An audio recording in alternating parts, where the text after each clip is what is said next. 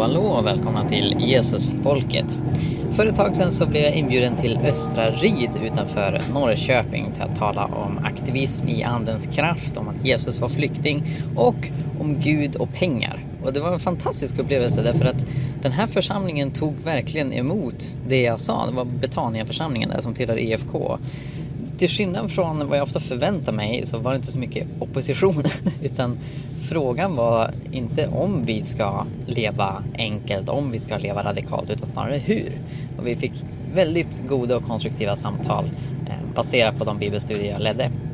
Jag tänkte dela med mig av det jag sa om Gud och pengar. Eh, jag pratade om eh, inställningsteologi och problemet med det, om att det finns en mellannivå mellan rik och fattig som vi bör sträva efter och om att de här plånboksfrågorna faktiskt räddar liv. Eh, mitt i det här så pratar jag om Costa Rica och om hur de har eh, den genomsnittliga nivån pengar. Om man tar alla pengar eh, Eh, på jorden och delar det på antalet människor så får man Costa Ricas BNP per capita. Alltså det är ett land som i genomsnitt lever enkelt. Jag uppgav dock fel summa. Jag sa att de lever på 35 000 dollar per år men rätta svaret är 13 000 och det var någon med miniräknare som reagerade på detta för det lät väldigt, väldigt rikt för att de skulle vara ett land som levde enkelt. Eh, så med det tillrättalagt eh, så kommer här det jag sa i Östra Ryd. Håll till godo.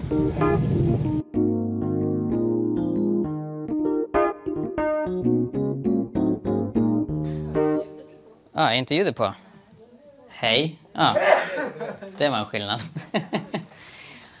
Gud och pengar är ett ämne som jag tycker om att prata om av tre anledningar. För det första, ni lyssnar. Folk eh, spetsar öronen när man pratar om pengar för då, då kommer man nära. Den andra anledningen är att Bibeln talar mycket om ekonomi, om rikedom och fattigdom. Det finns faktiskt ungefär 3000 bibelverser som handlar om fattigdomsbekämpning och rättvisa eh, på olika sätt. Och den tredje anledningen till att jag tycker om att tala om detta och till att jag tycker det är väldigt viktigt att tala om detta. Det är att det räddar liv. När vi pratar om pengar så, så kan man tänka på plånböcker och eh, banker och, och, och sånt där. Va? Men faktum är att vår tillgång till pengar och resurser avgör på ett fundamentalt sätt hur vi lever. För de som inte har det så blir livet förstås väldigt destruktivt.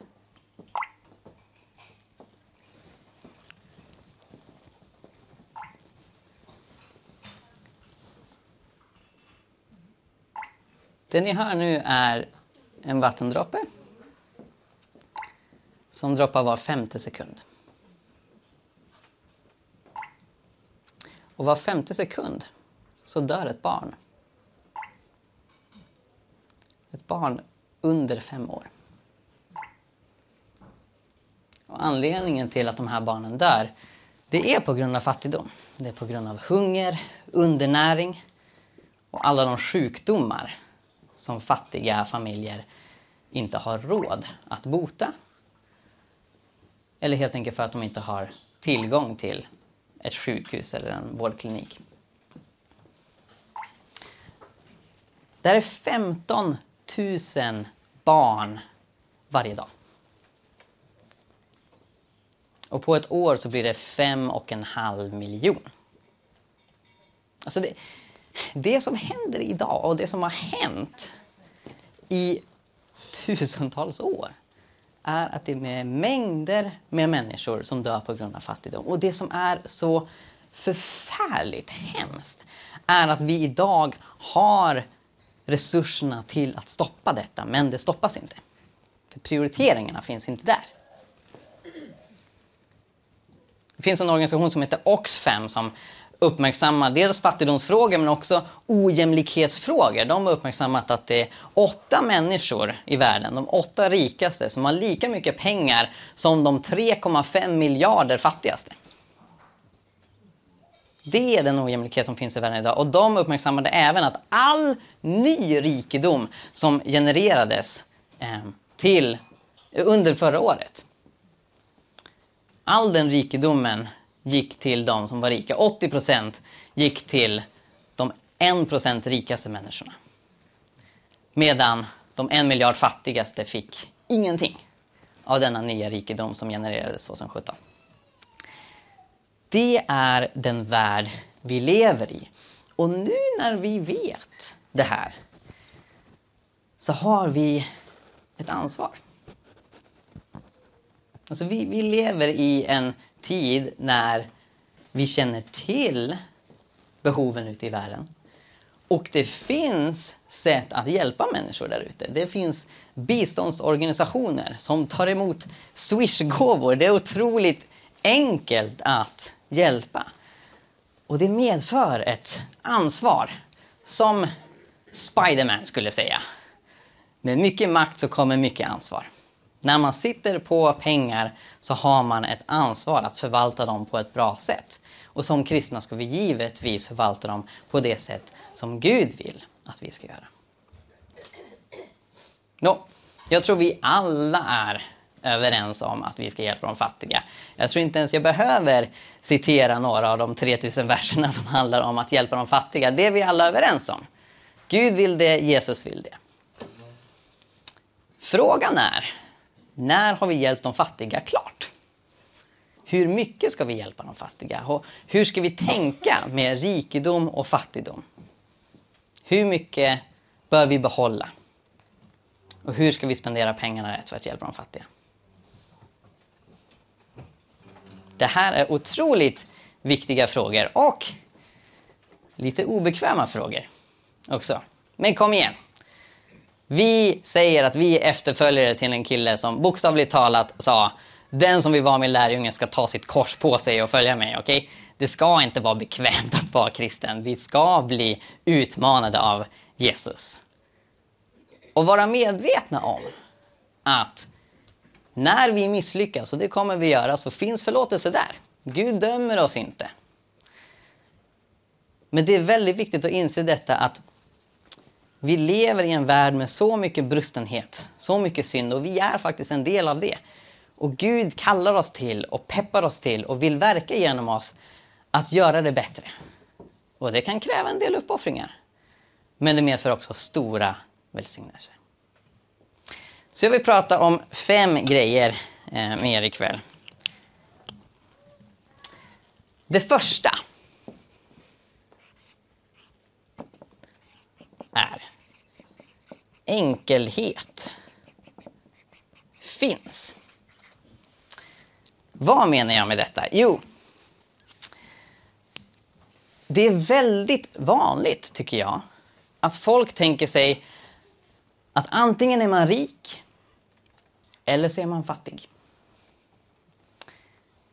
Och så resonerar man fattigdom är dåligt. Det är uppenbart. Folk får inte den vård de behöver, folk får inte den mat de behöver. Man lever rätt svåra, oj, eh, man lever svåra liv fyllda av lidande ganska ofta om man är fattig.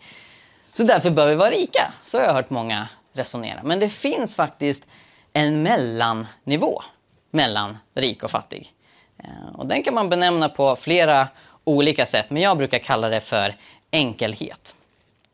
Det finns många bibliska exempel eh, på detta. Det första finner vi i Ordspråksboken kapitel 30 och vers 8. Så om ni har en bibel får ni gärna hänga med mig dit.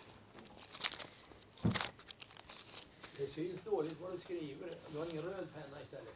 Ja, bra att du säger till. Jag har en svart penna så jag tar byter till den. Eh, Ordspråksboken kapitel 30, vers 8. Där står det. Håll falskhet och lögn fjärran ifrån mig. Ge mig varken fattigdom eller rikedom, men låt mig få den mat jag behöver. Annars kan jag bli så mätt att jag förnekar dig och säger, vem är Herren?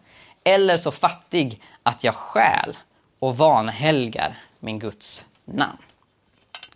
Så här är poängen att eh, vi varken ska vara rika eller fattiga, utan nöja oss med vårt dagliga bröd. För det finns problem både med rikedom och med fattigdom. Och det Ordspråksboken här säger att vi ska sträva efter mellannivån.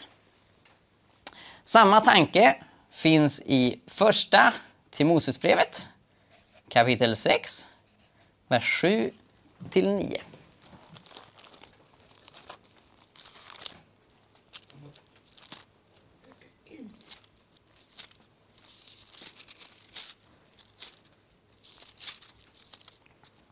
Där står det så här.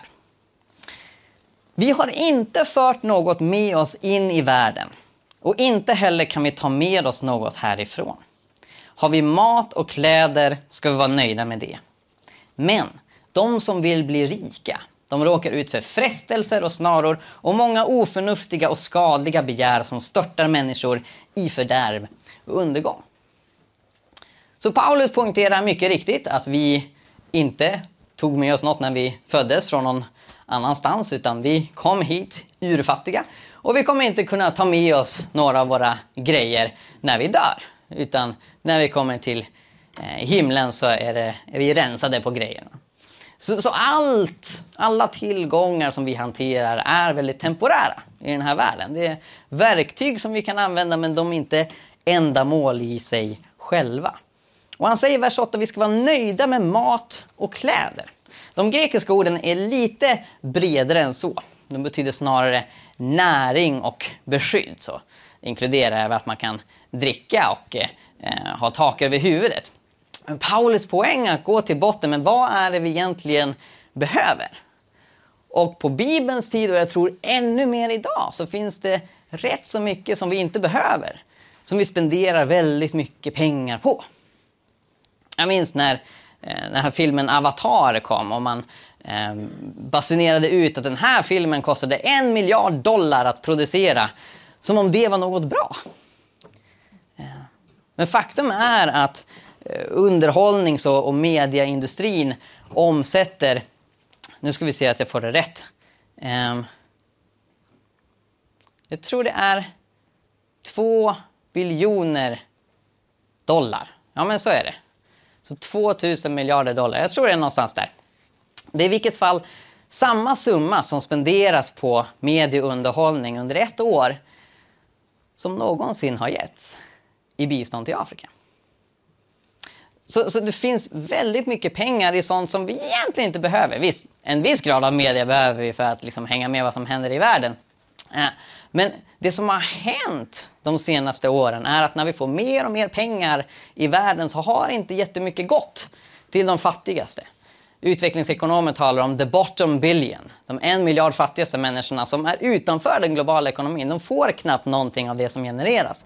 Utan det snurrar runt bland de som redan är rika. 20 procent av jordens befolkning konsumerar 80 procent av jordens resurser och Sverige ingår i de 20 procenten.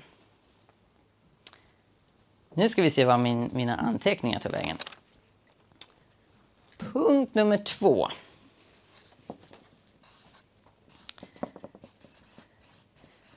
Ge bort överflöd. Så Bibeln återkommer till det här med att leva enkelt många gånger. Och väldigt ofta så, så, betonas det att anledningen till att vi ska leva enkelt dels är för att vi får en bättre gudsrelation, det är mindre eh, rikedomar som distraherar oss från Gud. Eh, men också för att då har vi ju möjlighet att ge mer. Och det är ganska enkel matematik. Om man, oavsett egentligen vilken inkomst man har, så om man bestämmer sig för att jag nöjer mig med att leva enkelt, så kan man ge mer än om man strävar efter lyx, underhållning och skönhetsprodukter och många andra saker som inte är lika nödvändiga. På det sättet, genom att skära ner på det som vi inte behöver, så kan man ge mer till de som behöver pengarna för att få dem det de behöver. Så den här tanken finns bland annat i eh, Lukas 3, vers 11. Där Johannes döparen säger följande. Den som har två livklädnader ska dela med sig och den som ingen har och den som har mat ska göra på samma sätt. Och Det här säger han i respons till frågan vad ska vi göra för att visa att vi har omvänt oss. Alltså, Johannes menar att omvändelsens frukt är att vi strävar efter en ekonomisk jämlikhet. Ja, men ska man inte hjälpa de fattiga genom att se till att de själva kan gräva upp resurser i marken? Jo, men det kan man också göra. Men det finns i Bibeln en tanke om att när man har ett överflöd av resurser eh, så bör man dela med sig till de som har mindre. Och faktum är att Bibeln säger att det här visar att vi har Guds kärlek i oss. Så i första Johannes 3 och 17. Det här är alltså eh, första Johannes brev, inte evangeliet. Så talar aposteln om eh, hur Guds kärlek manifesteras i våra liv. Eh, att vi ska älska, inte bara med ord utan i handling. Och så säger han, om någon har denna världens tillgångar och ser sin bror lida nöd men stänger sitt hjärta för honom, hur kan då Guds kärlek förbli honom? Det här är väldigt likt ett annat bibelord från femte Mosebok 15, vers 9. Som säger att om vi kan hjälpa de fattiga men väljer att inte göra det, då kan den fattige ropa till Gud och synd kommer vila på oss. Det är ganska hårda ord. Men Bibeln är radikal när det gäller pengar, tro inget annat. Johannes menar att konsekvensen av att Guds kärlek bor i oss, det är att vi öppnar våra hjärtan och vi öppnar våra plånböcker för dem som lider nöd. När vi har ett överflöd på materiella tillgångar och Guds kärlek verkar i våra liv, så delar vi med oss. Och Det kan ju resultera i en hel del syndanöd. Det är många gånger då jag har inte levt så. Men sen jag upptäckte detta så strävar jag efter det. Jag ber Gud om förlåtelse när jag inte lyckas. Och jag tar hjälp av andra kristna för att sträva efter att leva så enkelt som möjligt så att jag kan vara till välsignelse för så många fattiga som möjligt. Har vi någon fråga eller kommentar angående detta?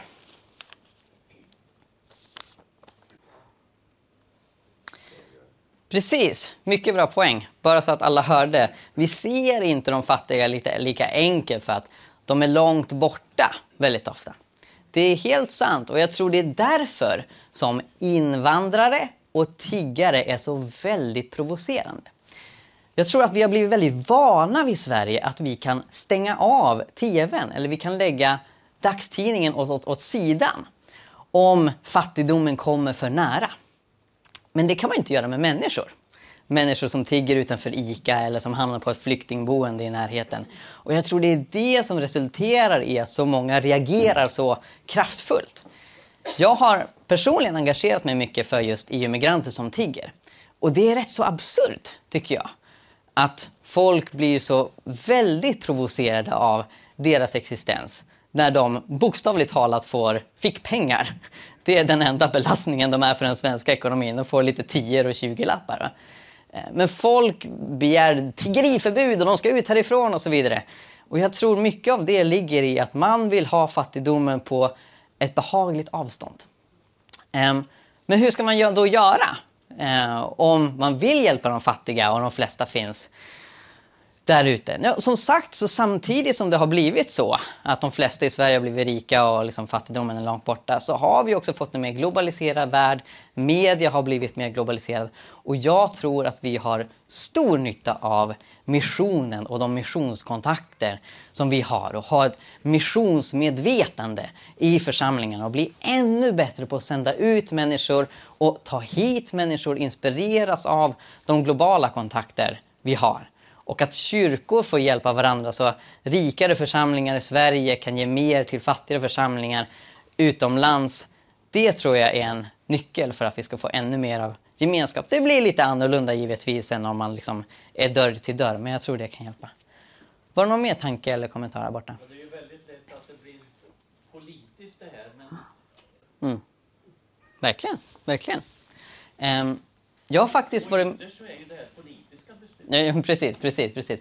Nej, men jag har faktiskt varit med och skrivit en bok eh, som handlar om hur vi ska tänka kring flyktingskap och migration från ett kristet perspektiv. Eh, och den finns där. Den heter Jesus var också flykting.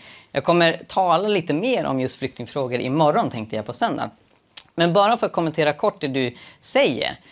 Jag också reagerar på det här att många tänker att vi har liksom en, ett visst litet konto för välgörenhet, för att hjälpa de fattiga. Eh, så när vi vill satsa på migration, ja men då har regeringen, både den blåa och röda regeringen, tagit pengar från biståndsbudgeten eh, för att finansiera det. Och på samma sätt, eh, Sverigedemokraterna som är emot invandring, de har ju argumenterat att vi ska minska på invandringen så vi kan öka biståndet.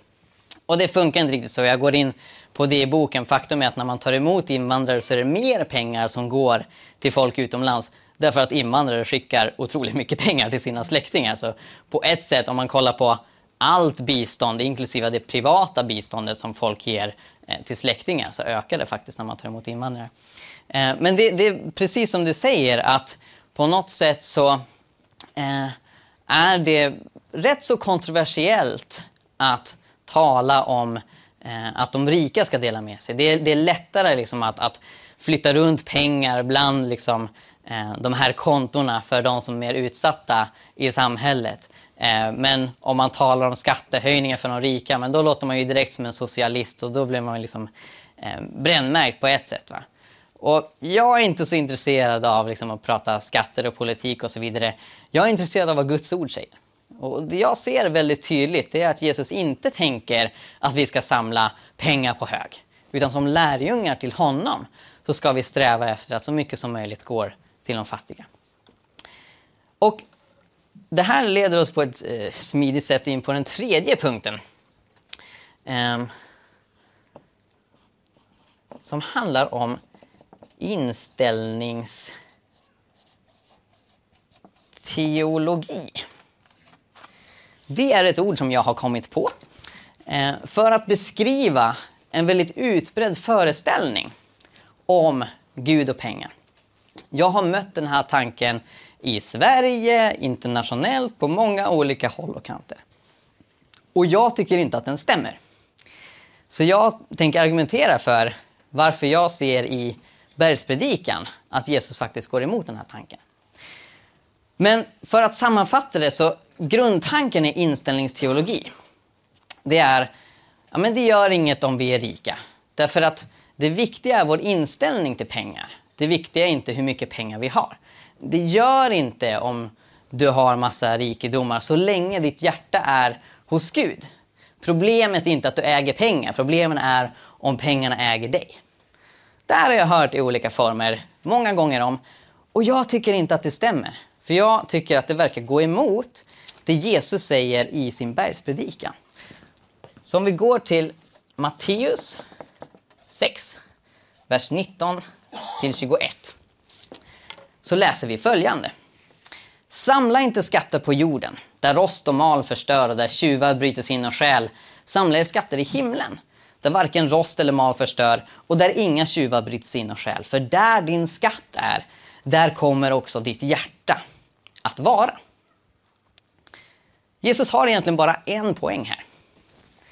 Och det är, vi kan inte ha vår skatt på jorden och ha vårt hjärta i himlen. Om vi har en skatt på jorden, då har vi vårt hjärta där. Det är när vi gör oss av med den jordiska skatten och har vår skatt i himlen, då är vårt hjärta hos Gud. Och det här ordet skatt, thesaros på grekiska, det används konsekvent i Nya Testamentet för att beskriva rikedomar. Jakob använder det i, i Jakobsbrevet 5 när han går rätt hårt åt de rika och det beskrivs även på andra ställen om förråd och eh, stora eh, mängder eh, grejer och pengar va, som, som de rika samlar åt sig. Så jag tror att Jesus poäng här, i och med att han också ganska direkt efter kommer in på att vi kan inte tjäna både Gud och mammon, och mammon betyder rikedom. Jag tror att hans poäng är att skatter på jorden är att samla mycket rikedomar. Och att det hindrar oss från att ha hjärtat i himlen. Det betyder inte att alla som rika är ofrälsta, men jag tror att man får problem. Han pratar också om att ögat är kroppens lampor. När vårt öga är förmörkat så, så ser vi inte ljuset. Och det, det tror jag han säger för att belysa det här att rikedomar kan distrahera oss väldigt mycket. Han pratar också om eh, hur rikedomar är eh, tistlar som kväver ordet. Så medan ordet finns där och folk har tagit emot evangeliet så kan vi inte agera ut det när rikedomarna finns där och hindrar.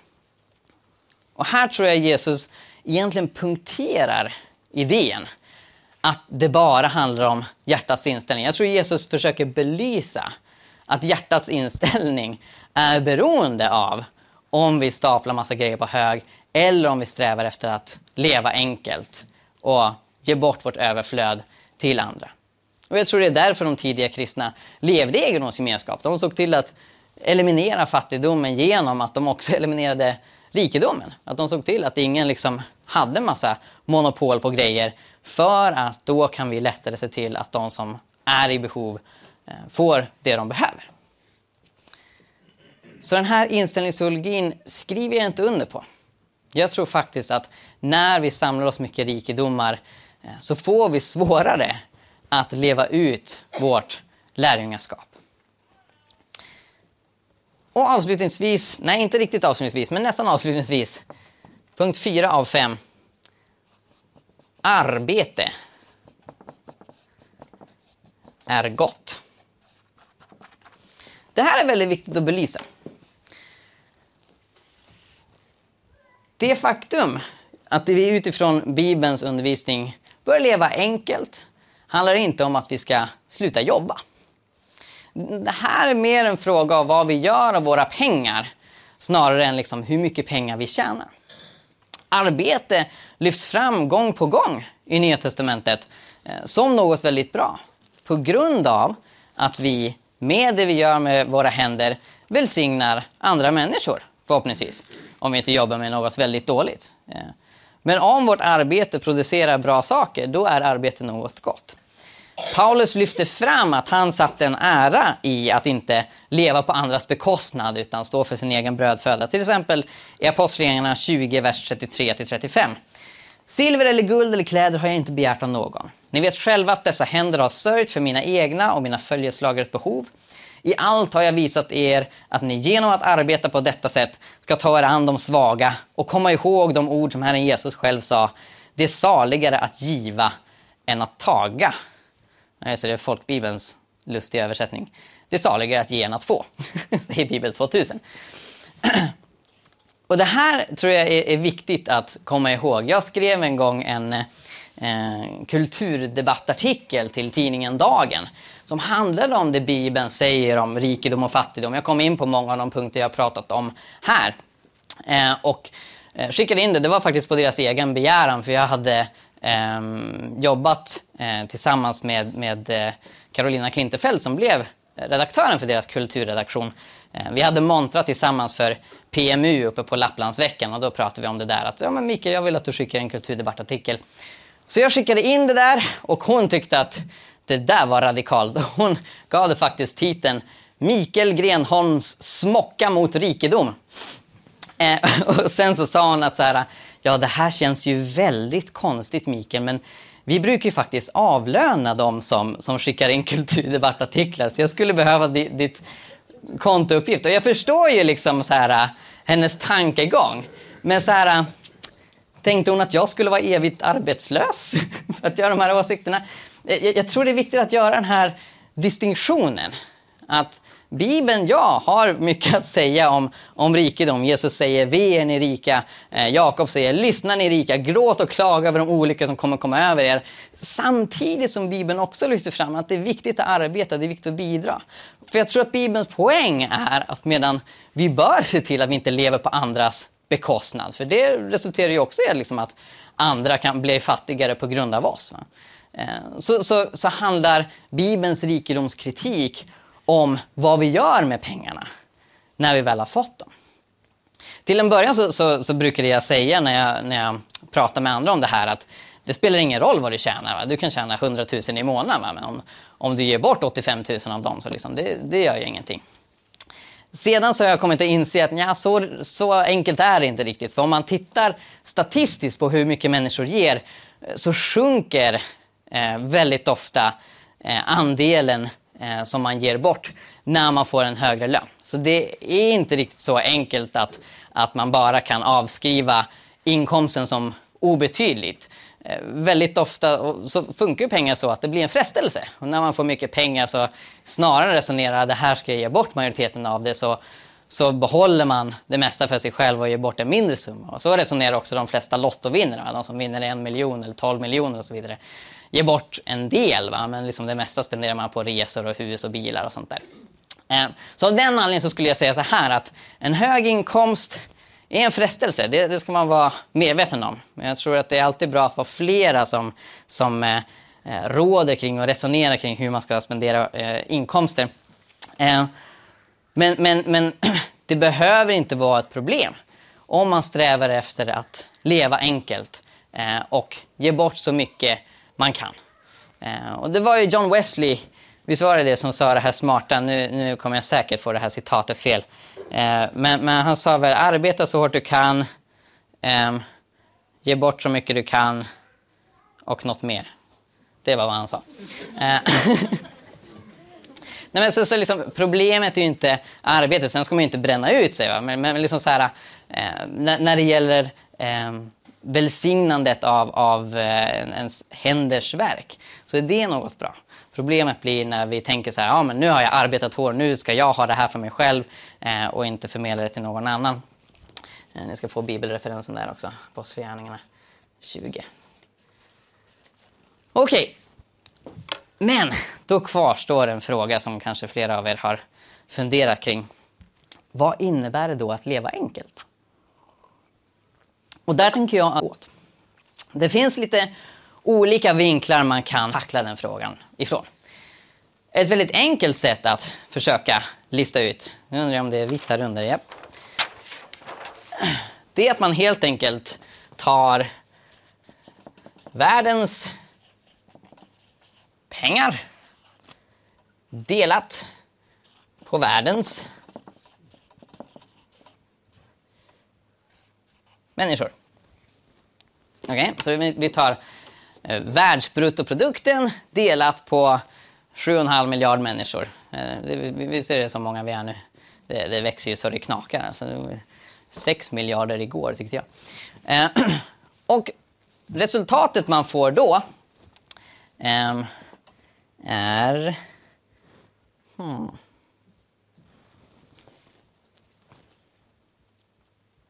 Nej.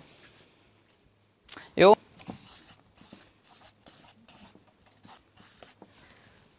Nej. Um, Ja, ja, precis. Uh. Så. jag var tvungen att tänka där. 35 000 dollar per år och person. Uh. vilket kan översättas till ungefär 80 000 kronor eller ja, 7 000 kronor i månaden ungefär per person. Det är vad man handlar på om man tar världens pengar och delar på, på världens människor. Det finns lite problem med det. Det finns en hel del värdeproduktion som inte syns i BNP. Eh, och sen är också en, en kruxfråga i hur det här relaterar till skatt. Som jag har förstått det så ingår skatt i det här. Eh, men man får ett hum om ungefär var en, en totalt rättvis värld skulle hamna på. Intressant nog så är det här 35 000 eh, dollar eh, per år BNP per capita, det vill säga vad ungefär varje människa producerar i ett land eh, som heter Costa Rica. Och Costa Rica är ett väldigt intressant land därför att de hamnar på nummer ett i Happy Planet Index. Eh, ett sätt att mäta utveckling som för samman saker som till exempel hälsa, hur länge människor lever och hur lyckliga människor säger att de är med hur litet ekologiskt fotavtryck de har, det vill säga hur lite miljöförstöring de bidrar till. Och Costa Rica har hamnat på nummer ett i Happy Planet Index år efter år. Eh, folk lever längre i Costa Rica än de gör i USA. Eh, de är lyckligare där än i många andra länder. Eh, och deras ekologiska fotavtryck är långt under det det är i västvärlden. Ni förstår? Om alla levde som svenskar så skulle vi behöva fyra stycken jordklot. För att eh, det skulle finnas tillräckligt med resurser för att bekosta eh, den här livsstilen. och det, det är inte så bra. Det innebär att anledningen till att vi kan ha den levnadsstandard vi har i Sverige, det är för att det faktiskt sker på någon annans bekostnad. Alltså, anledningen till att vi är så rika, det är för att andra är fattiga. Och det kommer aldrig bli så om inte Gud gör ett gigantiskt mirakel eller om vi koloniserar Mars och Venus och Merkurius. Det kommer inte bli så att alla människor har en svensk livsstil. Utan den livsstil som kommer råda i framtiden om inte Jesus kommer tillbaka eh, ganska snart. Eh, den, den, kommer se annorlunda ut och den kommer förmodligen vara rätt mycket enklare. Eh, för så som läget ser ut med, med klimatförändring och miljöförstöringar så alltså, kommer det med största sannolikhet bli så att antingen väljer vi frivilligt att leva enklare eller så kommer vi tvingas till det. Och då är det ju lättare och betydligt eh, mindre blodigt att vi liksom frivilligt väljer att gå den vägen. Costa Rica. Där har man en livsstil som kräver ett jordklot. Och det är intressant. Va? Att man, man lever lite längre än man gör i USA. Och samtidigt så är det ett fattigare land.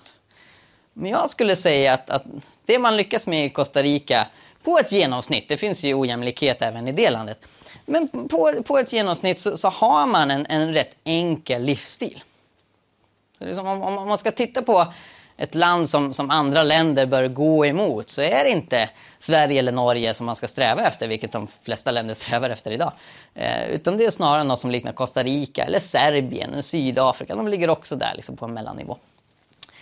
Och då kan man säga, men det här är ju betydligt varmare länder än Sverige. Vi måste behöva liksom mer resurser för att värma upp våra kalla hus.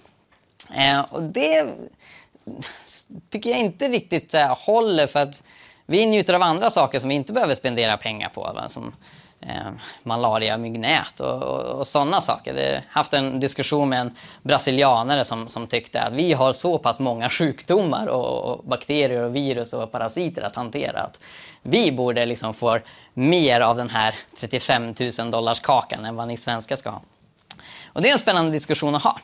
Eh, men, men jag tror som, som, som grundtanke så, så eh, ska vi inte försöka, vad ska man säga, modifiera vår livsstil på en ytlig nivå. Utan vi talar om, om ganska stora förändringar för att vi ska leva enklare. Och vad innefattar dessa förändringar? Alltså de, de innefattar väldigt mycket.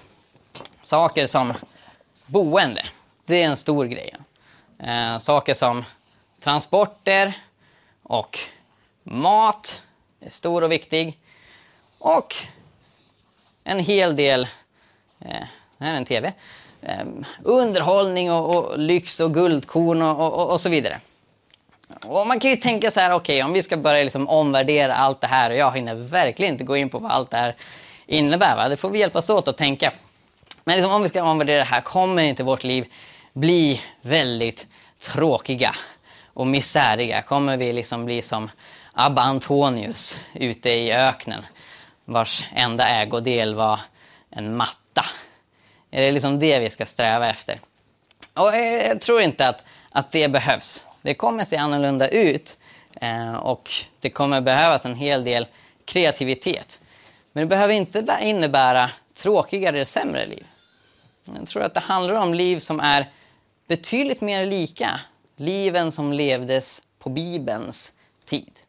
Eh, för de flesta lärjungar hade inte så svårt att leva enkelt. Och det här kan vara svårt att ta till sig. Men det är faktiskt enkelt att leva enkelt. Nå, i Sverige uppfattar vi det som väldigt, väldigt svårt. Varför? Mm, vi har en kultur som förutsätter att vi lever på ett rikare sätt. Eller hur? Och vi, vi har liksom en, en bostadsmarknad som, som förutsätter att man har massa pengar att punga ut. Och, och, och liksom, så mycket i, vår, i vårt samhälle går ut på att man har en sån här levnadsstandard, en levnadsnivå som kräver fyra jordklot. Så av praktiska skäl också ganska mycket av mentala skäl. Att vi liksom inte riktigt vill förändra sättet vi lever och det är ju naturligt, man vill ju leva som man lever. Eh, så, så kan det upplevas som en otroligt stor utmaning. om Vi ska börja tänka om, tänka om vad vi äter, tänka om hur vi bor och, och så vidare. Men när det, när, när det kommer till eh, det praktiska så, så handlar det faktiskt om att säga stopp och vara förnöjsam med det man har. Vara förnöjsam i det lilla. Och det i sig är inte så komplicerat. Så kostnaderna och, och eh, resursbränningen för vår livsstil reduceras otroligt mycket av en sån enkel grej som att leva kollektivt. Som att behålla sitt hus men ta in några fler. Då, då, då sjunker det här drastiskt. Liksom. Ehm, och, och, och, Det finns ju så, så, så många fina exempel på det här. Jag var ju som sagt i England hos Jesus Fellowship och de lever i, i kommuniteter med kollektiv. Eh, och eh, deras kassör hade räknat ut, okej, okay, hur skulle våra kostnader öka om vi slutade leva kollektivt? Om alla de 400 som lever tillsammans i de här 40 kommuniteterna flyttar ut till sina egna hus eh, och har sina egna bilar och liksom sin egen ekonomi, hur mycket skulle det öka? Eh, och han kom fram till en, en rätt Eh, konservativ beräkning på att det skulle öka med 30 procent. Eh, det lät li, lite, lite milt eh, tyckte jag. Skulle förmodligen tippa på åtminstone 50 procent. Han sa också till mig att när de kollar på det nationella genomsnittet så var deras matkostnader på en tiondel av det. Deras klädkostnader var på en tredjedel av det nationella genomsnittet. Så, så på grund av dels att de då bodde tillsammans och liksom att fem familjer delade på eh, tvättmaskin och kylskåp och så vidare eh, och hus. Eh, men dels också för att de hade en kultur av enkelhet, att de hade enkelhet som ideal och att de försökte hjälpa varandra.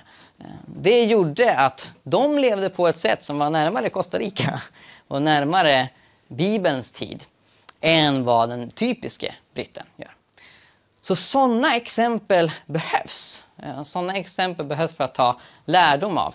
Är det möjligt att leva enkelt även om man inte lever i kollektiv? Ja, absolut. De de flesta i, i, Costa Rica och Indien och så vidare eh, lever liksom familj per familj.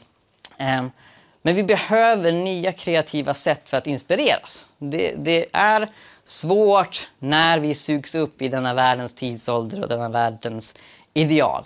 Eh, men det vi behöver av miljöanledningar och av eh, Eh, fattigdomsbekämpningsanledningar och av bibelefterföljelseanledningar det är en enklare livsstil. Och jag har inte alla svar för hur det kan se ut. Jag och några vänner har eh, nyligen bildat en organisation, vi kommer snart ha release, som heter God jord. Eh, som pratar om dessa frågor och pratar om praktiska sätt att leva mer miljövänligt och enkelt. Redan nu så har vi en hemsida som heter godjord.nu. Min fru Sara hon håller på och skriver en, en eh, artikel just nu om, om eh, hur vi ska tänka kring mat till exempel. Det här är något som vi behöver diskutera, be om, prata med varandra om. Det här är en av vår tids absolut största utmaningar. Eh, och som sagt, jag vill inte låta för apokalyptisk men jag ser hur tidningarnas rapporter och Uppenbarelseboken faktiskt närmar sig varandra. Eh, hur det blir mer och mer av kris när det gäller eh, resursförbrukning och så vidare. Haven är tömda på fisk 2050 och eh, oljan tar slut och så vidare. Så det, det, behövs nya sätt av inga andra anledningar än att snart kommer vi vara där, vare sig vi vill eller inte. Och om kyrkan kan stå i framkant och peka på Jesus förkunnade enkelhet, Jesus förkunnade ett annat sätt att leva, ett bättre sätt att leva i gemenskap och när vi värderar den heliga Ande långt mycket mer än mammon. Eh, då så tror jag att kyrkan i Sverige kommer ha en guldålder framför sig. Okej. Okay. Det är många nu som ser allvarliga och lite bekymrade ut. Så jag vill gärna att, att ni delar med er av tankar och frågor och så vidare. Jag förstår om, om detta upplevs som provocerande och utmanande och så vidare. Det tror jag att, jag hoppas att jag representerar Bibeln någorlunda rätt för att Bibeln utmanar mig. Har vi några tankar eller frågor eller sådär som någon vill dela med sig av? Mm? Jag funderar bara på det här räkneexemplet som du tar upp här. Mm? Eh, Det är ganska mycket pengar ändå, 35 000 dollar. Det är ju Mm. 280 000 svenska kronor per år. Ja, det kanske blir va? 23 i månaden. Alltså, har jag räknat rätt? Nej. Ja men, det är väl alla varor och tjänster. Nej, nej, det kan inte vara. Var det inte, det var ju BNP? 35 000, det är ungefär... Det är nästan 300 000. Ja. Det innebär ju nästan 25 000 per person i månaden. Ja, jag, jag har vilselett er. Alltså, jag har kommit med en villfarelsens ande här. Vi prövar det bara här. Det är där vi... Ja, precis. Ja, men exakt, exakt. 7000 var du ju nere på. Du, var, du sa 7 000 svenska, men 35 000 dollar innebär 25 000. Precis. Ja, jag, jag, får, jag får gå tillbaka och göra hemläxa. Det, det, var, det var några år sedan jag- som jag tog fram det här räkneexemplet. Bra observerat. Men det ska, det ska motsvara mer det du sa i svenska kronor alltså? 7 8 000 svenska kronor. Någonstans där, ja precis, precis. Mm. Ja, det blir lite, blir lite svettigare än 23. Ja men exakt, exakt. Ja, det är bra. Jag tänkte du. Ja, men hur tänkte du när du liksom började leva mer enkelt och så? Jättebra fråga. Eh, det, det är ett långt svar, eh, men, men jag ska försöka korta ner det. Frågan var, hur tänkte jag när jag började leva enkelt? Eh, jag var eh, 16 år gammal. Eh, jag satt i min pappas sommarstuga uppe i Västerbotten och läste Aftonbladet. Och på sista sidan så var det en krönika som handlade om världsfattigdomen. Och det var då som jag för första gången fick reda på att det är en miljard människor som lever i extrem fattigdom, som då var mindre än en dollar per dag. Eh, och jag blev helt mållös. För jag, jag visste ju att det fanns fattiga, men jag visste inte att de var så många och jag visste inte att de var så fattiga. Och att så många barn dör varje dag. Så, så jag gick helt Ehm, uppfylld av detta och tänkte att det här är ju en katastrof. Det här, det här skulle ju tidningarna skriva om varje dag. Det här får ju inte pågå. Och så läste jag Bibeln, Matteus 19, vers 21. Jesus säger till den rike unge mannen, gå och sälj allt vad du äger och ge pengarna till de fattiga. Och jag hade stött på det tidigare. Och jag tänkte, ja, Jesus är så bra på bildspråk. Sälj allt du äger. Jag jag tänkte att han menar liksom, ge allt till mig på ett väldigt andligt och bildligt sätt. Men då så fastnade mina ögon på att ge åt de fattiga. Och jag insåg det, det är väldigt svårt att, att ge till de fattiga på ett bildligt sätt. Liksom. Varsågod, här får du lite pengar. Så att du kan köpa lite mat så att du blir mätt. Nej, men så här, det går ju inte. Um, och sen så när jag fortsatte studera det här så såg jag att Jesus säger samma sak till alla sina lärjungar i Lukas 12, vers 33. Det hör man inte varje dag.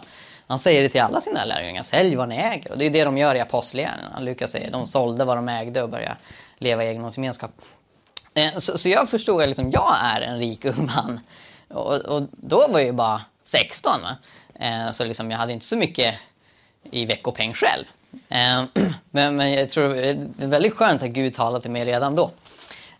Så jag, jag liksom ja, men började sälja mina grejer. Jag sålde mina filmer, jag sålde mina tv-spel. Liksom. Det, det jag hade, gav det till Läkare Utan Gränser och PMU, Unicef och så vidare. Um, och, och sen så, så bestämde jag mig för att inte köpa nya sådana saker. Eh, utan det jag tillät mig att köpa var eh, teologiska böcker och eh, eh, studielitteratur. Eh, men så att jag kunde fördjupa mitt tänkande och sådär. Ehm, nej, men så, så en, en ganska stor del av det här för mig har varit att skära bort eh, underhållning eh, och inte köpa sådana grejer. Och på lång tid om man tänker på de, eh, vad blir det, åtta år som har gått. Eh, nej, det är tio. Hjälp vad gammal jag är. Oj, oj, oj, oj, oj. Det är elva. Snälla någon. Är jag så gammal? Nej, det kan det inte vara. Hur gammal är jag? Ja, men så är det. Ha. Jag fyller 27. Ja. Det är närmare 30 än, än 20. Oj, oj. Var var jag någonstans? Eh... Ja, just det. Just det. Så, så, så, det men det, det blir ju en hel del som jag då har sparat in. Och jag har liksom prioriterat att ge bort eh, det jag får. Sen har det inte varit så mycket som jag har fått in när jag har pluggat eh, och sådär. Men, men nu, eh, de, de eh, egentligen sen, sen augusti när jag och min fru gifte oss. Eh, då så startade vi en kommunitet med en kompis där vi har egendomsgemenskap. Eh, så alla resurser går till samma konto, alla inkomster går till samma konto, alla utgifter dras därifrån. Och vi har sagt att vi ska försöka leva så enkelt som möjligt eh, för att kunna då ge bort eh, så mycket som möjligt. Ehm, så ja, en hel del av, det har varit att inte lägga pengar på sånt vi behöver eh, och sen försöka minimera det ehm, på, på andra sätt. Och sen är det inte bara liksom att leva enkelt att minska kostnader utan det handlar ju även då om att minska ekologiska fotavtryck och, och, och så vidare. Så av den anledningen så har jag ätit vegetariskt i många år och eh, veganskt sedan två år tillbaka. Eh, och har ingen bil och så vidare.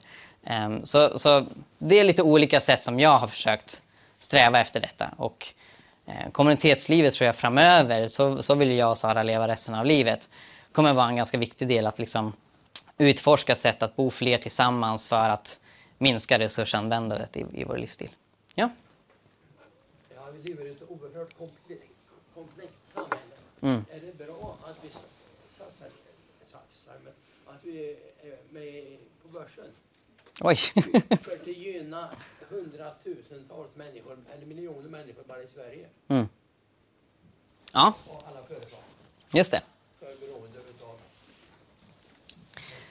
Det är en bra fråga som jag känner att jag inte har tillräckligt mycket på fötterna för, för att ge ett bra svar på. Eh, jag har pluggat lite ekonomi. Jag har läst eh, freds och utvecklingsstudier och tagit några kurser i, i miljöekonomi och sådär. Eh, och jag tror att det råder ganska mycket konsensus idag egentligen från vänster till höger att börsen har stora problem. Sen kan man beskriva de problemen på, på olika sätt utifrån olika vinklar. Eh, men, men något som jag har reagerat på är att eh, ingen av de stora bankerna, i vart fall när jag kollade det för några år sedan, kan garantera att sparpengarna eh, lämnas utanför industrier såsom kärnvapen, vapen, pornografi och så vidare. Eh, för det finns en hel del pengar där och i det, som du säger, väldigt komplexa eh, system som pengarna spenderas på eh, så finns det en hel del som inte är särskilt bra. Man kan inte garantera att det, att det liksom är liksom helt fritt från de sektorerna. Och sen så finns det ett grundläggande problem i att det är väldigt många företag som strävar efter vinst som det enda målet med verksamheten. Jag har mycket, mycket större förtroende för företag som ägnar sig åt rättvis handel och fair trade. Eh, och oavsett om, om de eh, har, är vinstdrivande eller inte så det faktum att de har andra mål eh, än det gör att de gör eh, att de, de, de eh, resultaten blir bättre för, för, för världen. Va? Eh, och när det gäller börsen så, så är mitt intryck att de flesta av de stora företagen eh, kanske har en CSR-avdelning men att det ganska mycket är lite för att eh, även hippies ska köpa deras produkter och så kan man liksom fortsätta efter vinstjakten. Så det finns en hel del problem där. Eh, och jag tror det är viktigt att erkänna, även om man inte vet så här, hur ska ett ekonomiskt system se ut egentligen, eh, Eh, att kunna erkänna att det ekonomiska kapitalistiska system som vi har inte är felfritt. Eh, och man behöver inte liksom bli kommunist för det för att kunna säga att ett system som bygger på eh, vinstjakt främjar girighet naturligtvis. Och att det finns problem med det. Och att vi behöver diskutera det. Och jag tror att det finns ganska intressanta tankar, i synnerhet inom miljöekonomin, som diskuterar ett annat sätt att bedriva ekonomi på. Eh, som vare sig är planekonomi eller kapitalism, utan försöker liksom orientera sig där man även tar hänsyn till miljön. Yes? Och leva som vegetarian eller vegan, är det så mycket billigare än att inte göra det? Eh, Det är en bra fråga. Eh, Jag tror på längre sikt kan det vara det. Eh, Men det, det, Om, om man då inkluderar ekologiskt Mm. och så vidare, blir det, blir det så mycket billigare då? Ja, precis. Jag tror det stora problemet där är att Ehm, kött och animalieprodukter ofta inte bär sina kostnader eller sina miljökostnader på grund av att det är subventionerat. Ehm, det, alltså det kan variera väldigt mycket. Det, alltså det, det viktigaste är ju när det gäller all matlagning hur mycket man spenderar på halvfabrikat och hur mycket man lagar själv. Om man lagar sin ehm, vegetariska och veganska mat själv, då är det definitivt billigare för att man liksom inte köper in köttet, man använder andra råvaror som ofta är billigare. Eh, men däremot om man satsar mycket på sojakorv och så vidare, då hamnar man ungefär samma nivåer. Men håller du med om Hans Roslings beskrivning av fattigdomsbekämpning, eh, öka eller minskad barndödlighet sedan 60-talet, eh, barnbegränsande åtgärder och att fattigdomsbekämpningen ändå har varit väldigt framgångsrik Mm. de senaste tio åren. Mm. Så att, eh, sen är det en miljard kanske kvar, Mm. jag kan inte siffran. Mm. Men eh, ändå så går det ju, det Mm. verkar ju Mm. gå åt rätt håll Mm. globalt sett. Sen blir ju vi andra, vi blir ju rikare. Men precis, precis. Jag, jag älskar Hans Rosling. Jag tycker han är väldigt inspirerande. Ehm, och ni, ni som inte har sett hans föreläsningar på Youtube, gå och gör det. Ehm, jag, jag pratade med honom en gång faktiskt. Han var och föreläste på min skola när jag gick gymnasiet. Och så kom jag fram till honom, jag skrev ett gymnasiearbete då om fattigdomsbekämpning. Så jag sa, ursäkta herr Rosling, skulle jag kunna få intervjua dig? Och han tittade på mig så här. Och han bara, du, jag ska berätta för dig. Igår kom jag från New Delhi. Imorgon ska jag åka till New Orleans. Jag åker över hela världen. Så jag är ledsen. Jag kan verkligen inte. Jag kan inte. Okej, okay, Okej, förlåt, förlåt. Eh, väldigt fascinerande man. Eh, och eh, nej men, precis som du säger, han lyfter ju fram det att världen har blivit bättre. Att den här uppdelningen mellan i-länder och u-länder finns inte. Utan det finns en skala. Och det, det vi framförallt har sett det är ju hur Latinamerika och Asien, eh, i synnerhet östra Asien, har tagit sig ur fattigdomen. Och det beror på en rad olika saker. Det beror på eh, mer handel, det beror på mer bistånd, det beror på eh, många olika saker. Va? Eh, Även Hans Rosling, när man lyssnar på hans längre föreläsningar, talar om de länderna som halkar efter och i synnerhet de människorna som halkar efter. Eh, Så det är ju framförallt Afrika söder om Sahara eh, där det finns många människor som fortfarande är de som är utanför ekonomin. Och sen är det Indien där det fortfarande är väldigt många människor som är undernärda och lever i stor fattigdom. Och, och, och det som komplicerar bilden det är att även ett land som Indien som växer ekonomiskt eh, så står fattigdomsbekämpningen i många delstater väldigt still. Eh, och samma sak i, i Afrika. Afrika söder om Sahara har sju av de tio snabbast växande ekonomierna idag. Eh, så det sker mycket i Afrika och det är mycket av det bistånd som västvärlden har gett dit som börjar ge resultat nu. Men även i länder som växer ekonomiskt så finns människor som är kvar på fattigdomsnivå. Och en grundläggande anledning till detta det är ju alltså, det system som vi har i Sverige med, med välfärd och pensionssystem och, och barnbidrag och eh, socialförsäkring och så vidare. Det finns ju inte i de allra flesta länder. Va? Eh, så, så det gör att även länder som växer ekonomiskt, då är det, det är ju städerna som växer. Det är liksom de som är, redan är rika som får mer pengar. Medan människor ute på landsbygden inte berörs av det. Eh, så som sagt så talar man om the bottom billion, den en miljard Eh, fattigaste eh, delen av världens befolkning som i, i mångt och mycket står utanför den globala ekonomin. De berörs inte även när deras egna länder växer ekonomiskt. Det, alltså det finns ingen koppling mellan vad som händer i städerna och vad, vad som händer där.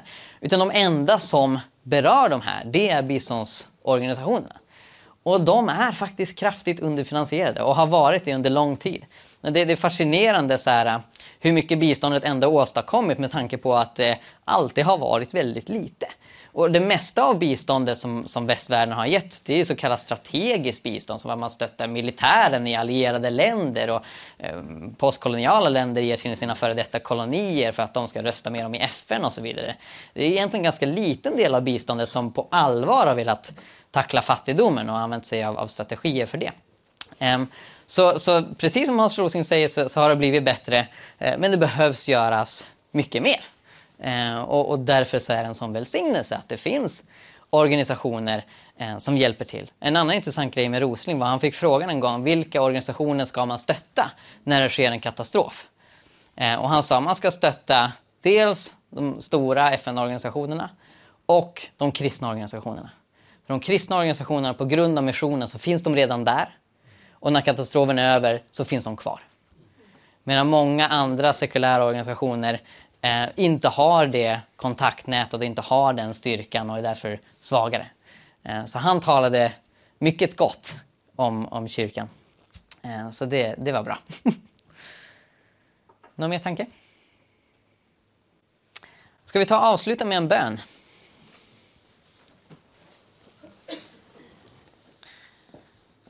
Tack Herre för att vi får följa dig. Tack Jesus för att du är så otroligt underbar. Tack Jesus för att du dog för våra synder på korset. Tack Herre att allt det vi gjort fel, alla våra misstag, alla, eh, alla våra dåliga intentioner och, och alla våra illgärningar, allt det dog du för. Tack Herre att vi är helt renade i dig. Och att vi gång på gång får komma till ditt kors och uppleva din förlåtelse och din nåd. Tack Jesus för det. Och jag ber Herre att du undervisar oss om hur vi ska hantera pengar. Att du hjälper oss att säga nej till mammon. Du hjälper oss att säga nej till girighet, och säga nej till egoism. Och att vi, Herre, får omfamna den gemenskap och den generositet och den enkelhet som du berättar om i ditt ord, Gud. Jag ber Herre att du undervisar oss, hjälper oss och orienterar oss i den här världen. Och mycket som distraherar och så mycket som vill ber här att vi får samlas i ditt knä. Att vi får samlas i bibelordet, för att få lyssna in den heliga Ande, att vi får hjälpa varandra att utforska hur vi lever radikalt för dig, hur vi lever enkelt och beslutsamt för dig. Jag ber Herre att, att det, det som jag har delat här ikväll som har varit från dig, att det ska få sjunka in i den här församlingens hjärtan. Och jag ber Herre att de med hjälp av din kraft eh, och din vishet får, får fortsätta forma varandra i enlighet med din heligandes vilja. Så att vi alla blir mer och mer Kristuslika. Var välsigna Betania, Herre. Välsigna alla som har samlats här. Och jag ber Jesus att du drar oss djupare och djupare in i ditt hjärta. Tack Herre för löftet att när din kärlek verkar i oss så säger vi inte nej till den fattige. Och jag ber här att det ska bli verklighet eh, ännu tydligare i våra liv. Och att vi får bli kända som de som älskar och välsignar och tar hand om människor i nöd. Jag ber här att du talar till oss om de behov som du vill att vi ska möta. Jag ber här att du hjälper oss att leva enkelt och leva i enlighet med ditt evangelium. Att vi får kommunicera evangeliet till vår omgivning i ord och handling och din helige Andes kraft. Och kom helige Ande och aktivera nådegåvorna i oss. Låt oss få sprida rättvisa och kärlek och fred i din kraft, helige Ande. Mm. Tack Gud. Amen. Tack så jättemycket Mikael. Tack